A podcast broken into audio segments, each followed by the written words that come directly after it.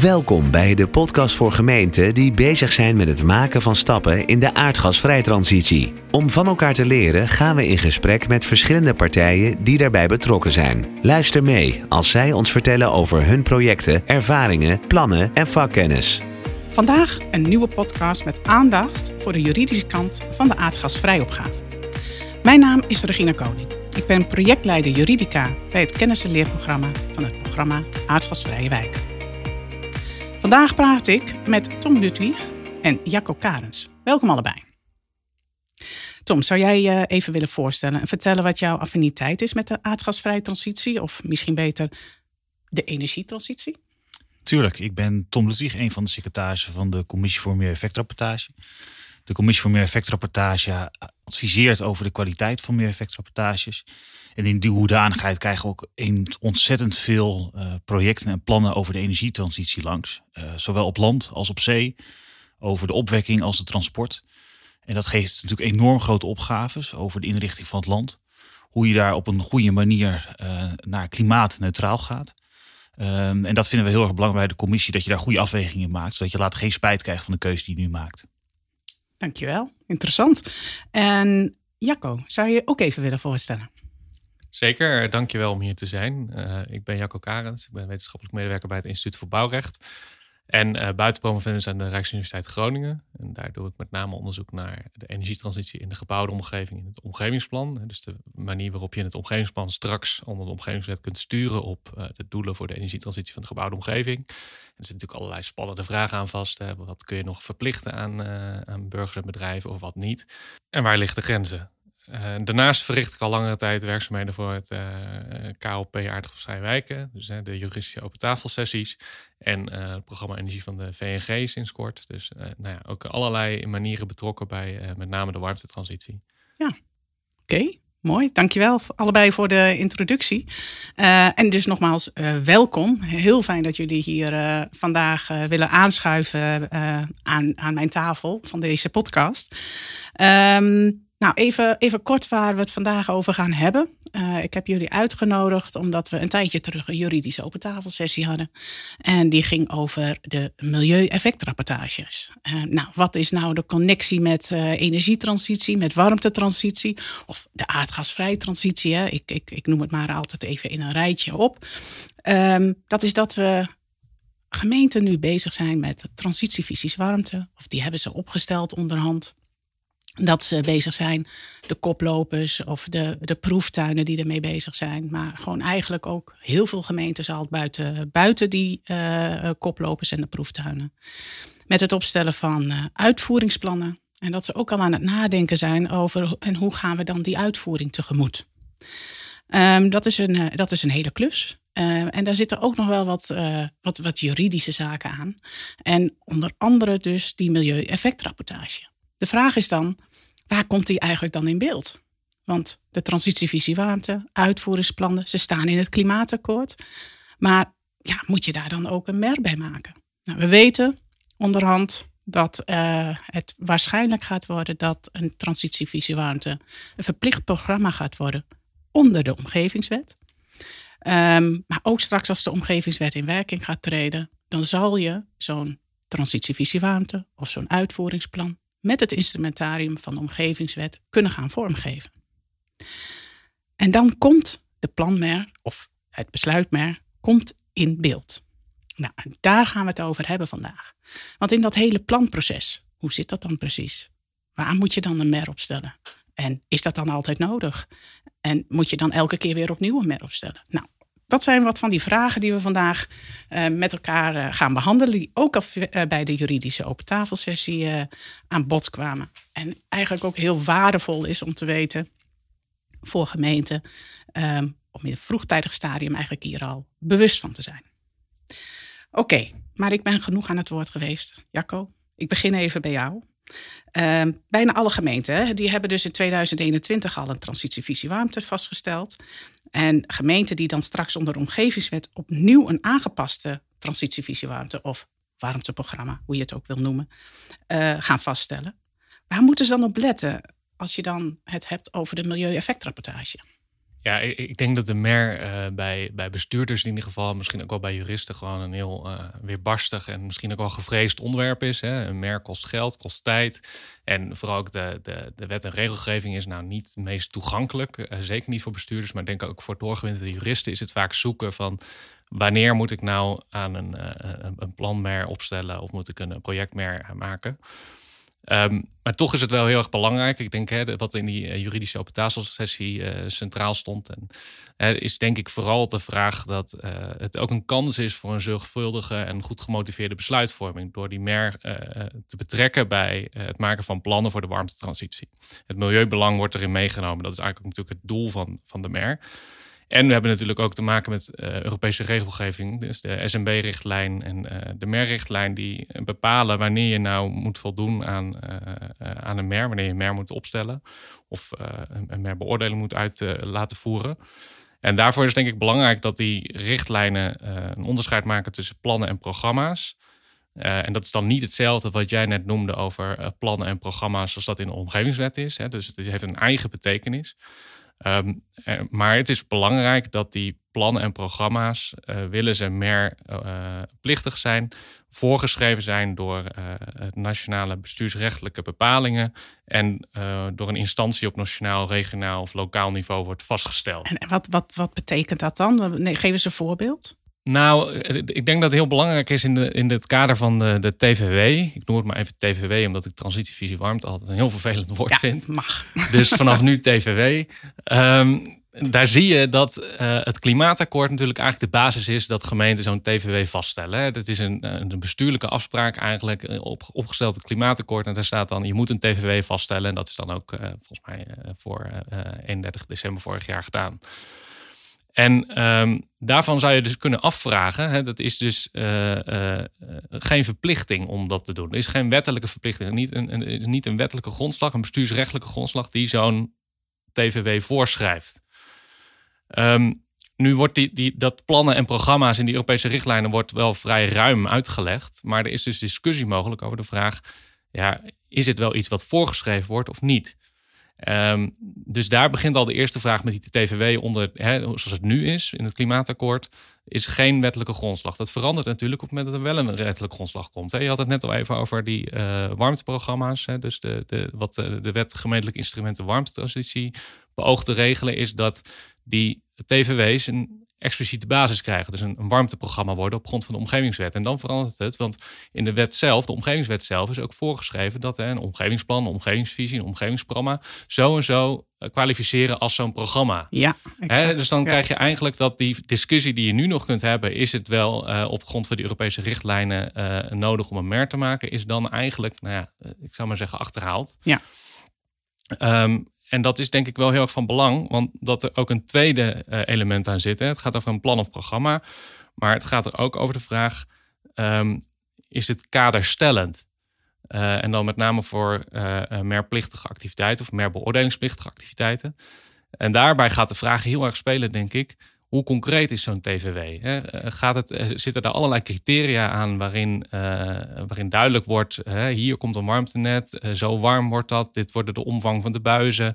Allemaal dat soort nou, vrij concrete criteria, die denk ik ook kaderstellend zijn voor bijvoorbeeld de, later de vraag van als je dat net in de grond gaat leggen en daar een vergunning voor aanvraagt, nou dan is dus eigenlijk die TVW misschien wel kaderstellend. Ja. Maar als het een hele indicatieve TVW is. Dus uh, verkennend. Wat, ja, verkennend. Ja. Gewoon wat, ja. wat, wat cijfers, wat, wat uh, leuke kaartjes, maar voor de rest weinig concreets. Dan zou je ook kunnen zeggen, ja, dan is het niet kaderstellend genoeg. En dan is er misschien toch niet een, uh, een, een mer nodig. Ja, ja, daar ga ik straks nog eventjes Tom verder op vragen. Um, dus gemeenten die nu een, een, een TVW hebben, of hem nog een keer gaan wijzigen of nieuw gaan vaststellen, is er dan zodat ze nu wel eigenlijk meteen dan een MER zouden moeten opstellen? Of kunnen ze daar nog even mee wachten? Ja, ik denk dat je daarvoor ook naar het overgangsrecht moet kijken. Um, we hebben natuurlijk straks overgangsrecht uh, naar de omgevingswet toe. En daar zit ook overgangsrecht voor programma's in. En die uh, wet gemeentelijke instrumenten warmtetransitie die ik net uh, besprak, die heeft ook specifiek overgangsrecht voor, ja, voor tvw's eigenlijk. Dus er zijn een aantal criteria die in die wet komen dan straks. en, en dan zeggen we nou, als aan die criteria is voldaan, dan is het ook al automatisch een warmteprogramma. En dat gaat over uh, de mate van isolatie en het aantal huizen wat je hebt aangewezen dat dus aardgasvrij gaat worden. Dat soort dingen. Ja. Maar er zitten ook twee nou ja, meer procedurele uh, vereisten aan vast. het eerste is, je moet de zienswijzeprocedure van de AWB hebben toegepast. Ja. Nou ja, dat is op zich vrij makkelijk. Hè. Bij TVW's wordt ook vaak al wel participatie toegepast. Dus dat is er makkelijk in te fietsen. Maar de tweede vereiste is dat je ook voldoet aan de toepasselijke regelgeving over de MER. Ja. En dan wordt het interessant, want dan kan het dus zijn dat je dus uh, om onder dat overgangsrecht te vallen, uh, misschien een MER of een MER-beoordeling voor dat plan moet hebben gedaan.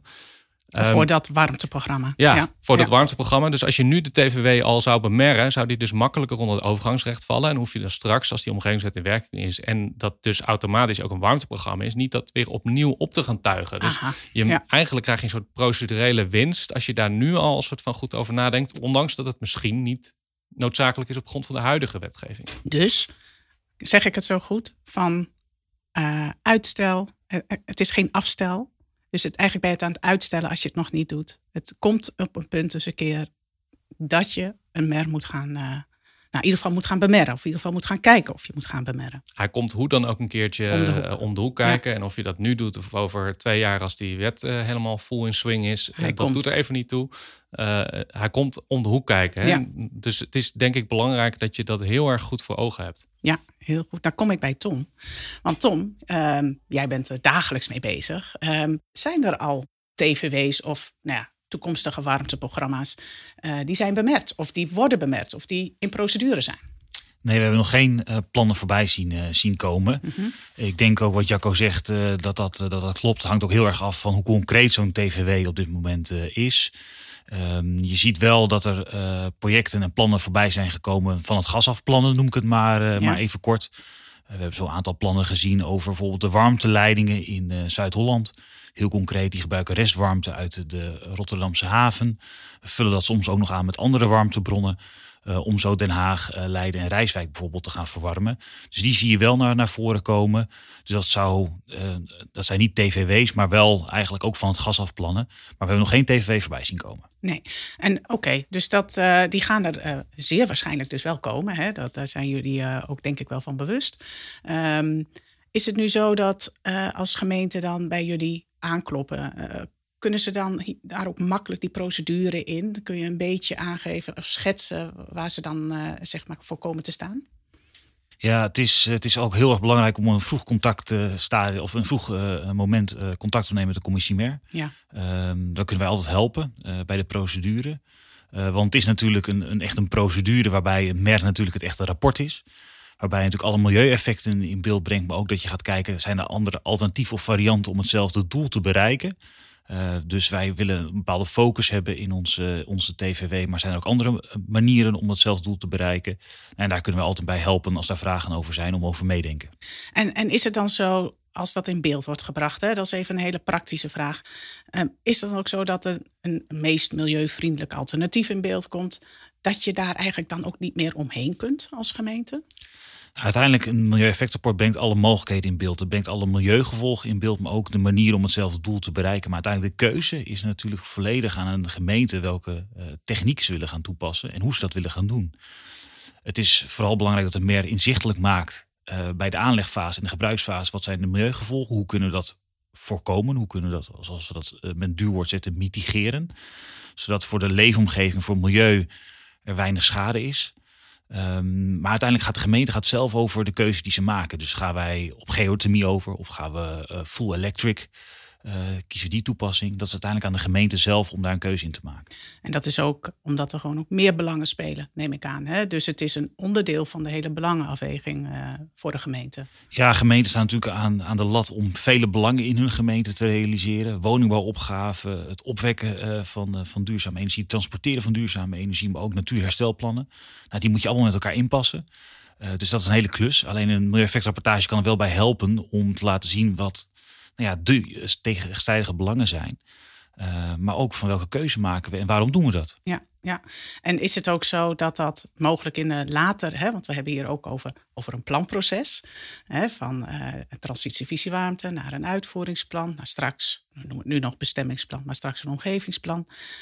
Zou je daar ook mee een stukje kunnen, ja, ik noem het woord maar even, kunnen versnellen? Of kunnen zorgen dat je wat vaart maakt in, de hele, in dat hele planproces? Dus misschien een wat, wat uh, moeilijke vraag, maar ik stel hem toch even. Ja, uiteindelijk is het, zou het zonde zijn als je bij het project erachter komt van hé, hey, we hebben niet de juiste keuze gemaakt of de juiste afwegingen gemaakt. We noemen dat dan trechteren, uh, met een duur woord, om uh, het eerst te kijken van welke technieken willen we toepassen en waarom willen we die toepassen. En uiteindelijk in een project dan te gaan kijken van hoe gaan we dat dan doen. Um, en dat zorgt ook een bepaalde zekerheid en een bepaalde duidelijkheid naar de inwoners toe. En dat kan zeker in procedures kan dat helpen. Uh, doordat je ook aan de omgeving duidelijk aangeeft. Nou, dit zijn de milieueffecten. Zo hebben we geprobeerd hiermee om te gaan. Ja. En dat het voor iedereen open en transparant is. Ja, ja, dankjewel. Ik ga nog even, ik ga nog even kijken naar Jacco. Want er komt er een, een andere vraag nog even bij me boven. Um, is het nu ook dan zo dat als een gemeente nog geen MER heeft vastgesteld nu voor de transitievisieruimte. Uh, kan dat nog in de toekomst? Of wat is dan het moment om het wel te gaan doen? Je hebt het volgens mij net ook al een beetje aangegeven, maar misschien nog even voor de duidelijkheid. Ja, ik denk dat uh, je kunt dat, uh, nou ja, ik wil niet zeggen je kunt dat herstellen, maar kijk, ik kan me ook voorstellen, wat Tom net aangeeft, dat er eigenlijk nog geen TVW's zijn langsgekomen bij de commissie MER. Dat geeft misschien ook wel aan dat die TVW's nu eigenlijk nog heel weinig concreet zijn. En dat heel veel gemeentes pas in zo'n uitvoeringsplan concretere stappen gaan zetten. Hè. Dus dan zou ik zeggen, dan is misschien zo'n uitvoeringsplan juist het moment om wel te gaan denken over een mer.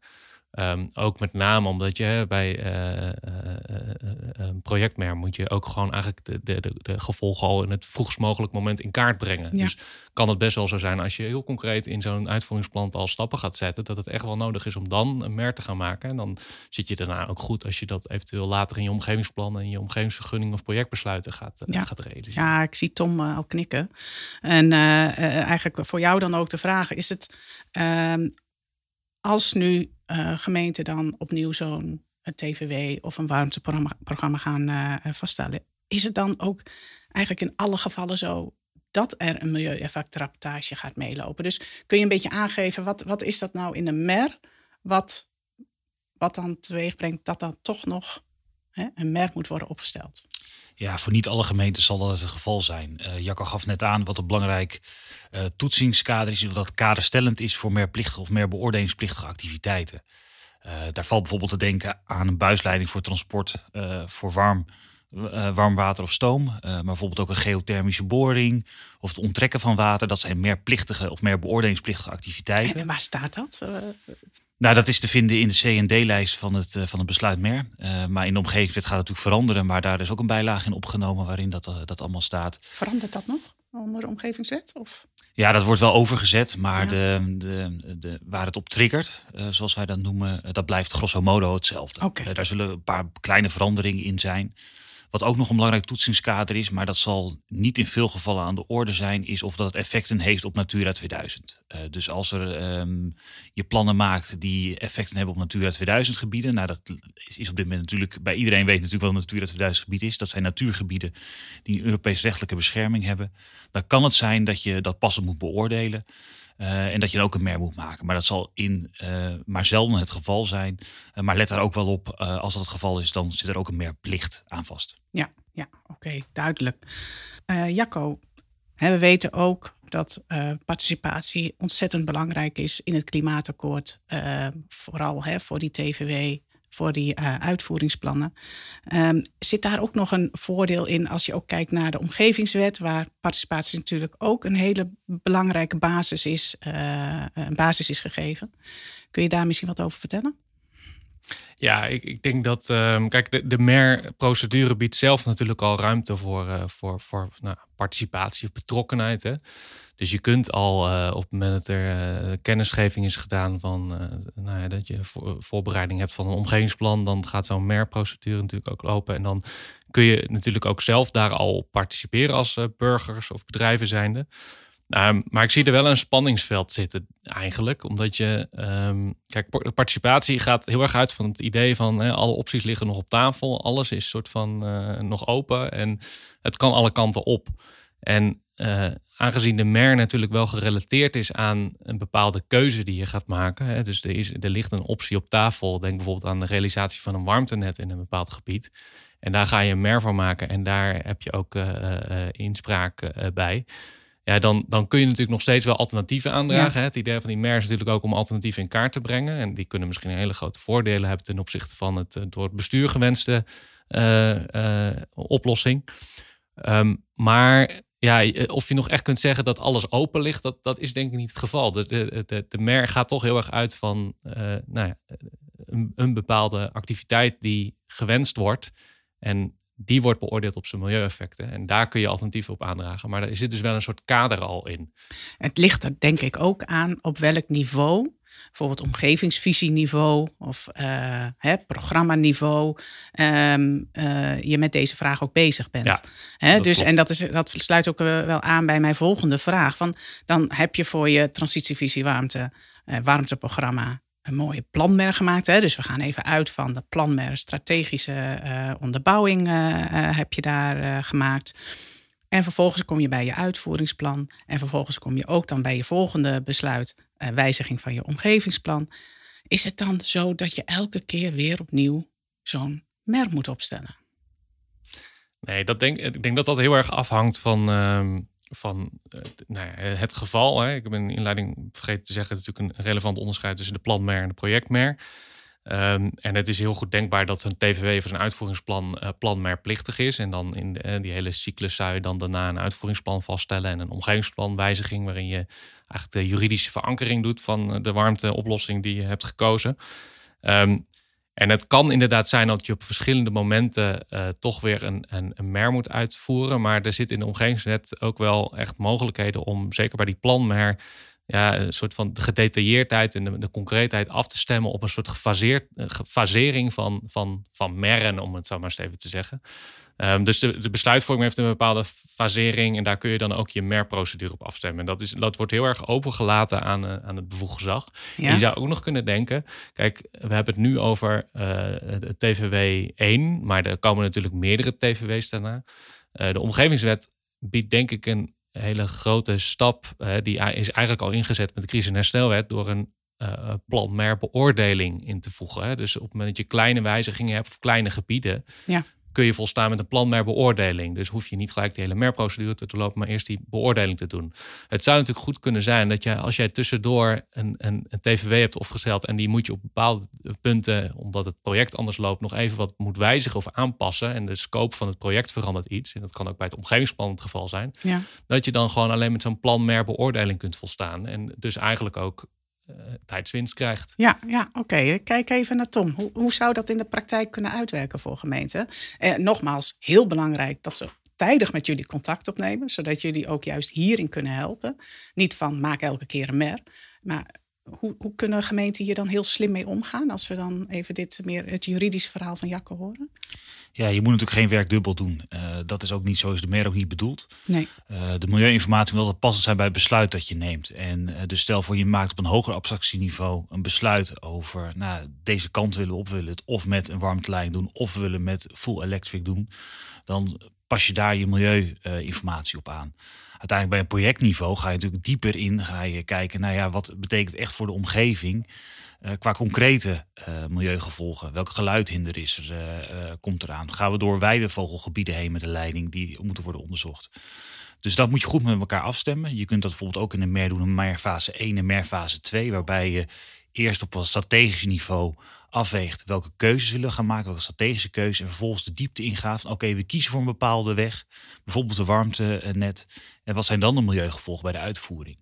Uh, en dan vloeit dat eigenlijk dus heel mooi in elkaar over als het goed is. Ja, want het is, het is echt niet de bedoeling om informatie uh, dubbel uh, te gaan onderzoeken. Dus dat, dat je onderzoek dubbel gaat doen. En als je op een hoog abstractieniveau een besluit neemt, dan is daar ook de milieuinformatie moet daarbij passend zijn. Als je, hoe concreter het is, hoe concreter ook de milieuinformatie moet zijn.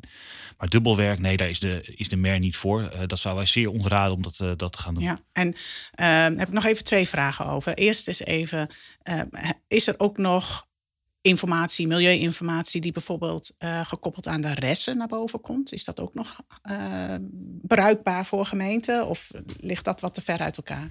Ik kan me goed indenken dat je met die TVW's en die ressen 2.0 die nu worden gemaakt, dat je daar een goede verbinding legt. Uh, je ziet ook misschien hetzelfde proces als dat je bij die TVW ziet. Die RES 1.0 was in heel veel gevallen nog wat vaag, wat niet concreet. Je ziet die RES 2.0 wordt veel concreter, want dan gaan ze gebieden aanwijzen voor zon en wind. En zie je ook dat daar heel veel uh, nou, regio's een merk voor gaan, uh, gaan maken. Maar zoek vooral goed die afstemming tussen die RES en die TVW, want dat haakt natuurlijk op elkaar in. Heeft natuurlijk alle twee een impact op een gemeente, uh, op het gemeentelijk niveau. Uh, zorg ook dat je daar goede koppelingen tussen hebt. Uh, dus zorg ook in, intern bij een gemeente dat je goed de mensen die met de rest bezig zijn en mensen met die TVW's bezig zijn, uh, dat die aan, een eenzelfde tafel zitten en goed met elkaar afstemmen. welk planproces lopen jullie door en welk planproces gaan wij doorlopen? Ja, heel goed. Hele goede, hele goede tip die hier van je komt. Ja, en, en de tweede vraag die ik je nog wilde stellen. is het dan zo dat die onderzoeken die zijn gedaan onder een, bij bepaalde merken zijn die onbeperkt houdbaar? Of moet er ook nog rekening worden gehouden als je in dat hele planproces zit, dat bepaalde onderzoeksresultaten misschien weer opnieuw moeten of moeten worden geactualiseerd? Ja, je kunt uh, milieuinformatie eerder onderzocht, is ook bruikbaar in latere fase. Er zit wel een tijdslimiet uh, aan, dus dat kan niet onbeperkt. Uh, maar zeker als het over enkele jaren gaat, is dat zeer goed bruikbaar. dus ook informatie die eerder onderzocht, kun je gebruiken in latere onderzoeken, ehm, als dat nodig is. Ja, en is dat, is dit dat, staat dat in de wet? Een bepaalde limiet? Of, of is dat gewoon per geval weer anders? Nee, dat is in de wet, uh, in de wet opgenomen. Ja, en wat is dan die termijn die in de wet staat? Ja, ik zeg heel veel even uit mijn hoofd, maar ik kijk ook naar Jacco dat dat voor mij is dat twee jaar. Volgens mij is het twee jaar. Maar ik, ik heb even in de omgevingswet lopen zoeken en daar kan ik hem dus niet meer terugvinden. Dus het lijkt ah. alsof men daar, daar ervan uitgaat dat je dan maar zelf moet gaan bepalen wat passend is. Okay. Op zich is dat misschien best een goede benadering, maar ja. het is volgens mij onder het huidige recht twee jaar, dacht ik altijd. Stond mij ook uh, bij twee jaar. Maar ja, uh, of dat over de, onder de omgevingswet ook zo is, dat is nog even. Nou, we vinden hem nu niet terug. Op zich misschien wel een logische om dan, dan ja, daar niet zo'n hele harde streep onder te zetten. En na twee jaar kun je natuurlijk altijd uh, bekijken of dat nog klopt. Hè? Dus ja. het is niet zozeer dat na twee jaar dat je meteen al het onderzoek opnieuw moet doen. Als je dan kunt beargumenteren dat het nog steeds uh, die informatie actueel is. Uh, daar zul je wel een goede argumentatie voor moeten doen. Dan, dan is dat, hoef je niet alle onderzoek opnieuw nee. te doen. Nee, en dat vind ik ook eigenlijk wel een hele logische insteek. Ja, we lopen een beetje naar het eind van deze podcast toe. En ik sluit altijd af deze podcast met uh, of jullie een tip kunnen geven aan de luisteraar. Waar ze eigenlijk ja, morgen, of uh, misschien als ze dit vrijdag luisteren, maandag, mee aan de slag kunnen gaan. En eigenlijk meteen resultaat mee boeken. En dan begin ik bij jou, jou Jacco. Heb, heb jij een tip voor gemeenten waarmee ze eigenlijk morgen mee aan de slag kunnen? Ja, ik weet niet of het morgen al kan. Uh, Overmorgen. Uh, Overmorgen. de aard van mijn tip is namelijk zodanig dat ik denk dat is misschien niet iets voor de korte termijn. Uh, nee, ik wil graag meegeven, maak een langetermijn strategie. Hè? Want je ziet hier dat, dat de MER heel erg uitgaat van toch een soort keten van besluitvorming. En daar loopt dat, het milieubelang eigenlijk dwars doorheen. En dat moet je dan in kaart brengen en afwegen. En je ziet dat in die warmtetransitie ook een soort keten van besluitvorming is gemaakt. Hè? TVW, een uitvoeringsplan, omgevingsplan, nou, eventueel nog omgevingsvergunningen. Um, volgens mij moet je een langetermijnstrategie als gemeente gaan maken over de vraag welk besluit uh, uh, uh, neem je wanneer en wat voor een type besluit is dat? Wat, wat landt daarin? En dan kun je volgens mij ook goed in kaart brengen hoe dat MER-proces zich tot die besluiten verhoudt. Dan kun je bij wijze van spreken in de wet gaan kijken wanneer er sprake is van een MER-plicht, een MER-beoordelingsplicht. En dan kun je ook gaan kijken wanneer moeten we wat doen, hoe concreet is het. Volgens mij moet je daarmee aan de slag. Want als je nu zegt van hè, we hebben een TVW en we zien over vijf jaar wel verder. Ja, dan, dan dat is niet iets te makkelijk gezegd, denk ik, als je kijkt naar het overgangsrecht en die omgevingswet die eraan komt en de sterkere wettelijke verankering van die instrumenten van het uh, klimaatakkoord. Dus ik denk dat dat heel goed is. Ja, misschien wel een soort standaard tip die je altijd hoort. Uh, dit is natuurlijk iets wat je moet bespreken met mensen die bij RO en milieu werken. Hè. Dus, ik wilde al vragen, met wie gaan ze dan even een kopje koffie drinken op de werkvloer? Nou ja, dit, is exact iets waarin je, je bent dus bezig met een, met een energieplan. Uh, en tegelijkertijd loopt daar een milieuspoor doorheen. En er zijn natuurlijk mensen die er al heel erg soort van, ik denk ook wel ervaring mee hebben. Ja. zeker bij grotere gemeentes. dus betrek die mensen erbij, want die hebben heel veel ervaring waarschijnlijk met, met merren, maar ook met gewoon hè, dit soort vragen over fasering en detailniveau en dat soort dingen. En dit zijn ook de mensen die weten hoe die omgevingswet in elkaar zit. Die zijn daar al zich op aan het voorbereiden en weten ook waar zo'n TVW een uitvoeringsplan juist in dat instrumentarium mee gaat uh, liften, zeg maar. Ja, ja oké, dankjewel. En dan kom ik bij jou, uh, Tom. Van jou, wat, wat is voor jou een, uh, een goede tip die je aan gemeenten zou willen meegeven? Ja, ik vond het mooi wat Jacco zei over denk goed na over je lange termijn strategie. en welke stappen je moet doorlopen.